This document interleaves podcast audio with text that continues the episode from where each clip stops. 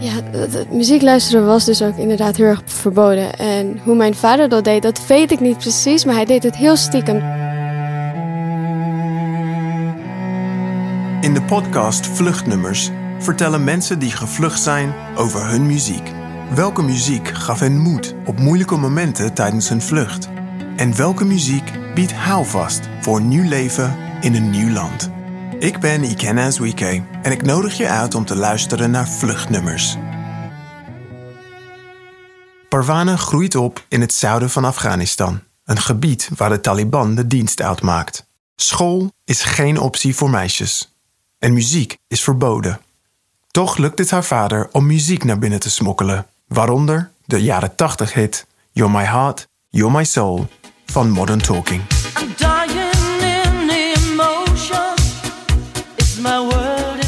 Was een jaar of zes dat ik dat nummer had eh, gehoord. Omdat mijn vader luisterde heel vaak naar de Modern Talking. Voornamelijk dit lied. En dat zong hij dan aan mij. You're my heart, you're my soul. I keep it shining everywhere. Een tijdje daarna heb ik ook de clip gezien. Vond het heel grappig. En het was ook voor mij grappig om te zien dat man in die kleding, het haar en, zo dansjes ging doen. Het was niet echt iets mannelijks in Afghanistan. You're.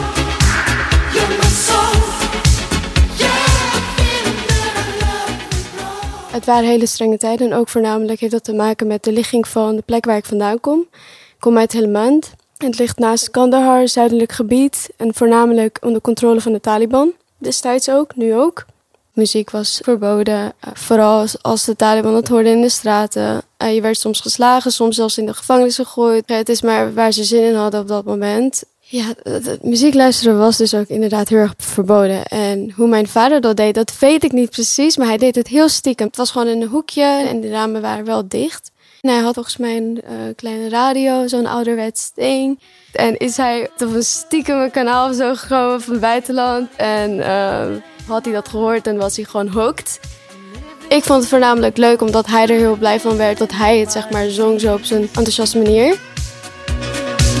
You're my heart. You're my soul. I keep. Hoe ik mezelf omschrijven als kind was, god, mijn moeder zou me echt een donder hebben genoemd. Nee, ik was als kind echt eh, heel brutaal. Ik riep dan ook heel luid van, waarom hoeft hij geen hoofddoek op te doen? Waarom moet ik dit per se doen? Waarom moet ik hier blijven? Waarom kan ik niet naar school? En ik denk dat, ik dan tegelijk ook een grote mond had binnen huis. Omdat ik dat erbuiten zeg maar helemaal niks kon doen. En erbuiten kon ik me niet uiten. Vergeleken met bijvoorbeeld de jongens van mijn omgeving.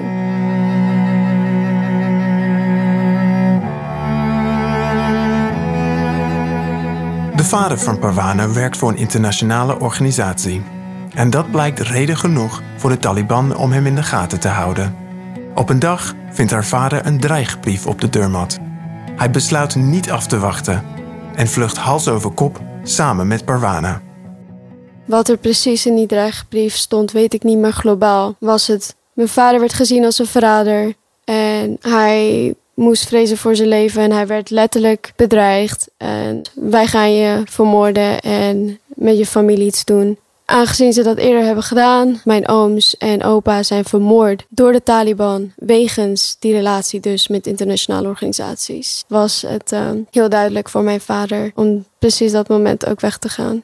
Ah ja, ik, ik, ik, ineens moest ik weg. Ik was niet per se heel erg bang, maar ik vroeg me wel af van waar is mama en waar is Sajad en eh, mijn zusje, waar zijn ze? Mijn vader zei altijd van, oh ze komen later, ze, ze sluiten aan. En ehm, mijn tante was destijds bij ons, dus mijn tante ging ook mee.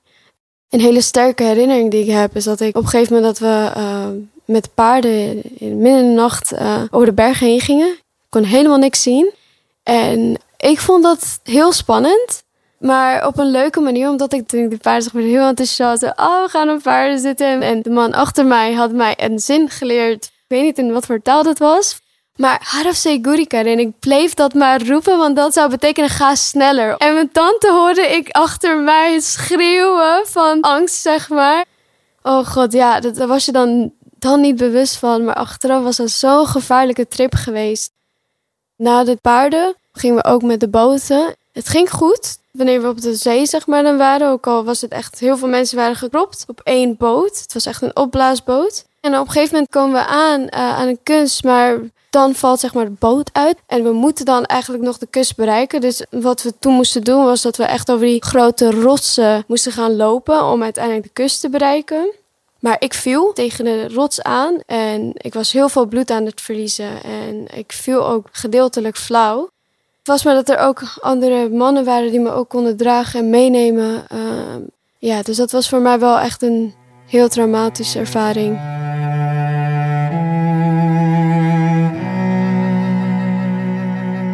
En dan komt een grote wens van Parwana uit. In 2008 mag ze op haar achtste voor de allereerste keer naar school. Ja, ik was acht jaar en ik stapte voor het eerst de school binnen. En het was voor mij super leuk, omdat ik aan de muren allemaal Mickey Mouse foto's zag. En het waren figuren die ik van de tv herkende. En lettertjes en alfabet. En gewoon allemaal kinderen aan tafels. En dat was voor mij ehm, ja, geweldig. Ja, volgens mij na een jaar mocht ik alweer naar een basisschool buiten AZC. Dus echt met Nederlanders die al jarenlang naar school zijn gegaan. Ah, dus het was heel bijzonder. Ik vond het heel spannend. Ik moest heel lang fietsen. Echt een eh, heuvel op en heuvel af. Maar het was het waard. Het was ook wel een afleiding van ehm, denken aan mijn moeder... of het missen van mijn familie of het missen van Afghanistan.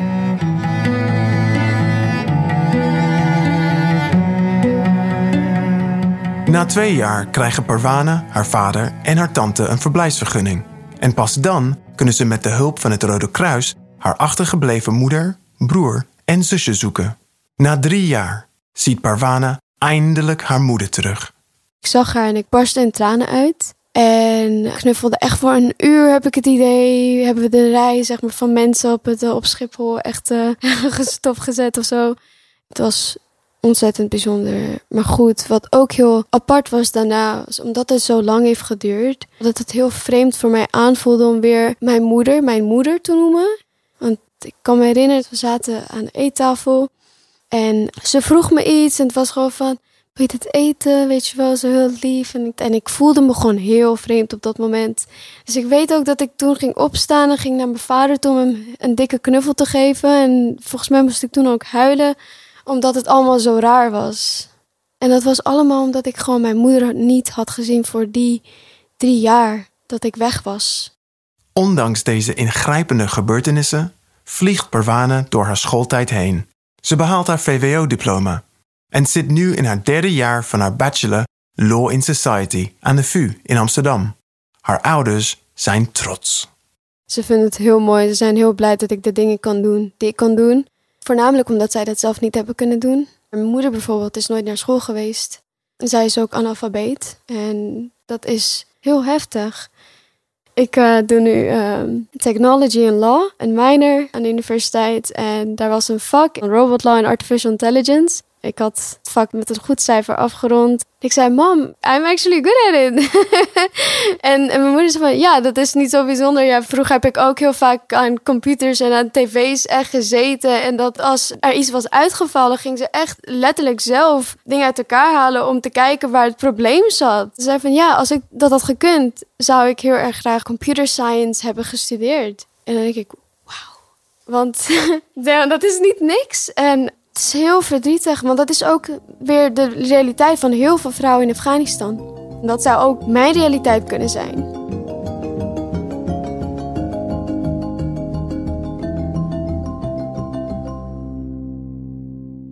Het nummer van uh, Jana Mekon van Rabbi Shergil heeft voor mij een hele grote betekenis. Omdat ik het ooit samen heb geluisterd met mijn vader ook weer. Ik was het heel lange tijd kwijt in mijn leven. Maar drie jaar terug ben ik het weer toevallig tegengekomen. En toen dacht ik, hé, hey, dat lied ken ik.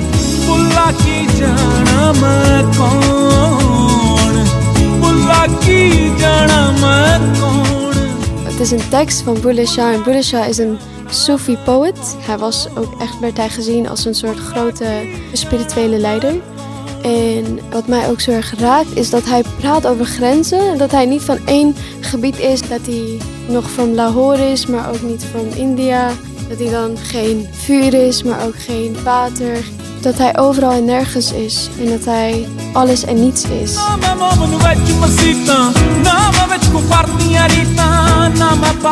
Hij weigert het om in hokjes geplaatst te worden. En dat voel ik ook heel erg als ik dan word gezien als een vluchteling. Alleen. Want ik ben zoveel meer dan dat. Ik ben een mens. Name Shadi Nagamanaki, Name Vichpanita Faki. Na me abhinava kanki, na me atash na me par. Bulaki Bulaki En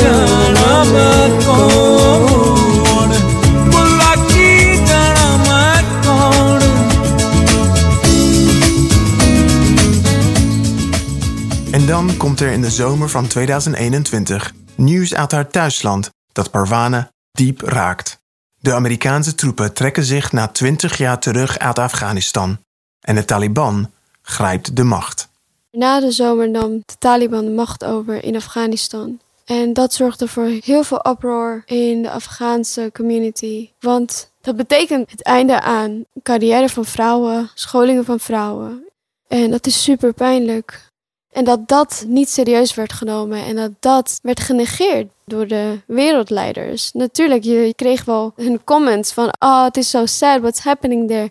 Maar doe er wat aan. Tot de dag van vandaag zijn de Afghanen heel erg teleurgesteld. En op dat moment waren we heel erg teleurgesteld in de internationale gemeenschap.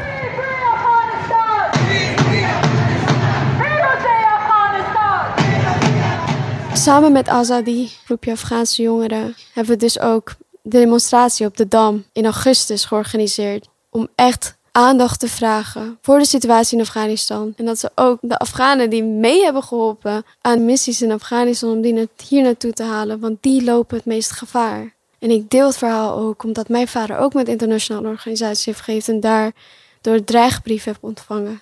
Mijn familieleden zijn daardoor vermoord. Dus het is niet een lichte situatie.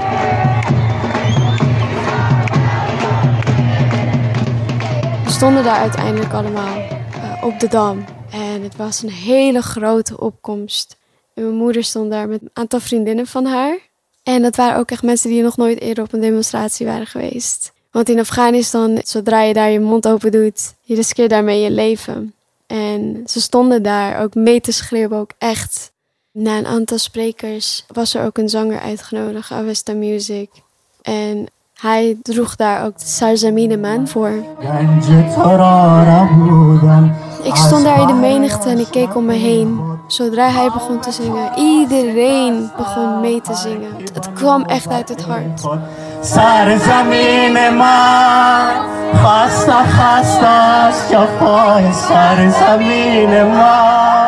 Oh mijn land, zoveel mensen die jou zijn binnengevallen, jou letterlijk hebben beroofd. Oh mijn land, jij die zo lijdt en nog altijd aan het lijden bent.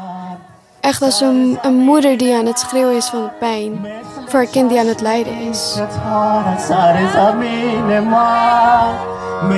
Volgens mij heb ik niemand gezien die het droog hield. Want dit nummer is heel oud. En er is niks veranderd. En dat is het ergste van allemaal.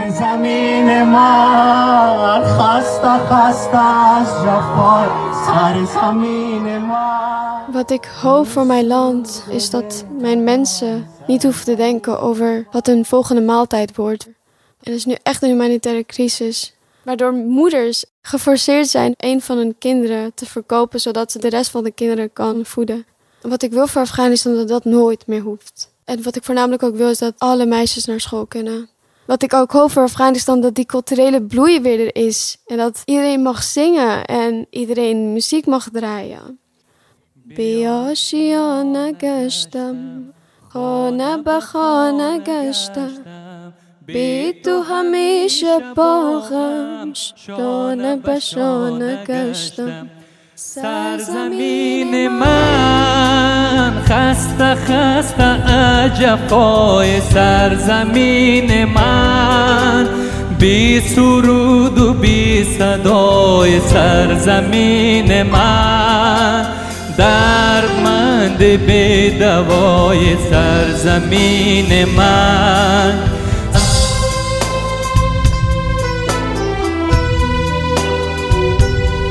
Vluchtnummers is geproduceerd door Jollof Rice Productions in samenwerking met het ministerie van Buitenlandse Zaken, UNHCR, de VN Vluchtelingenorganisatie en Stichting Vluchteling.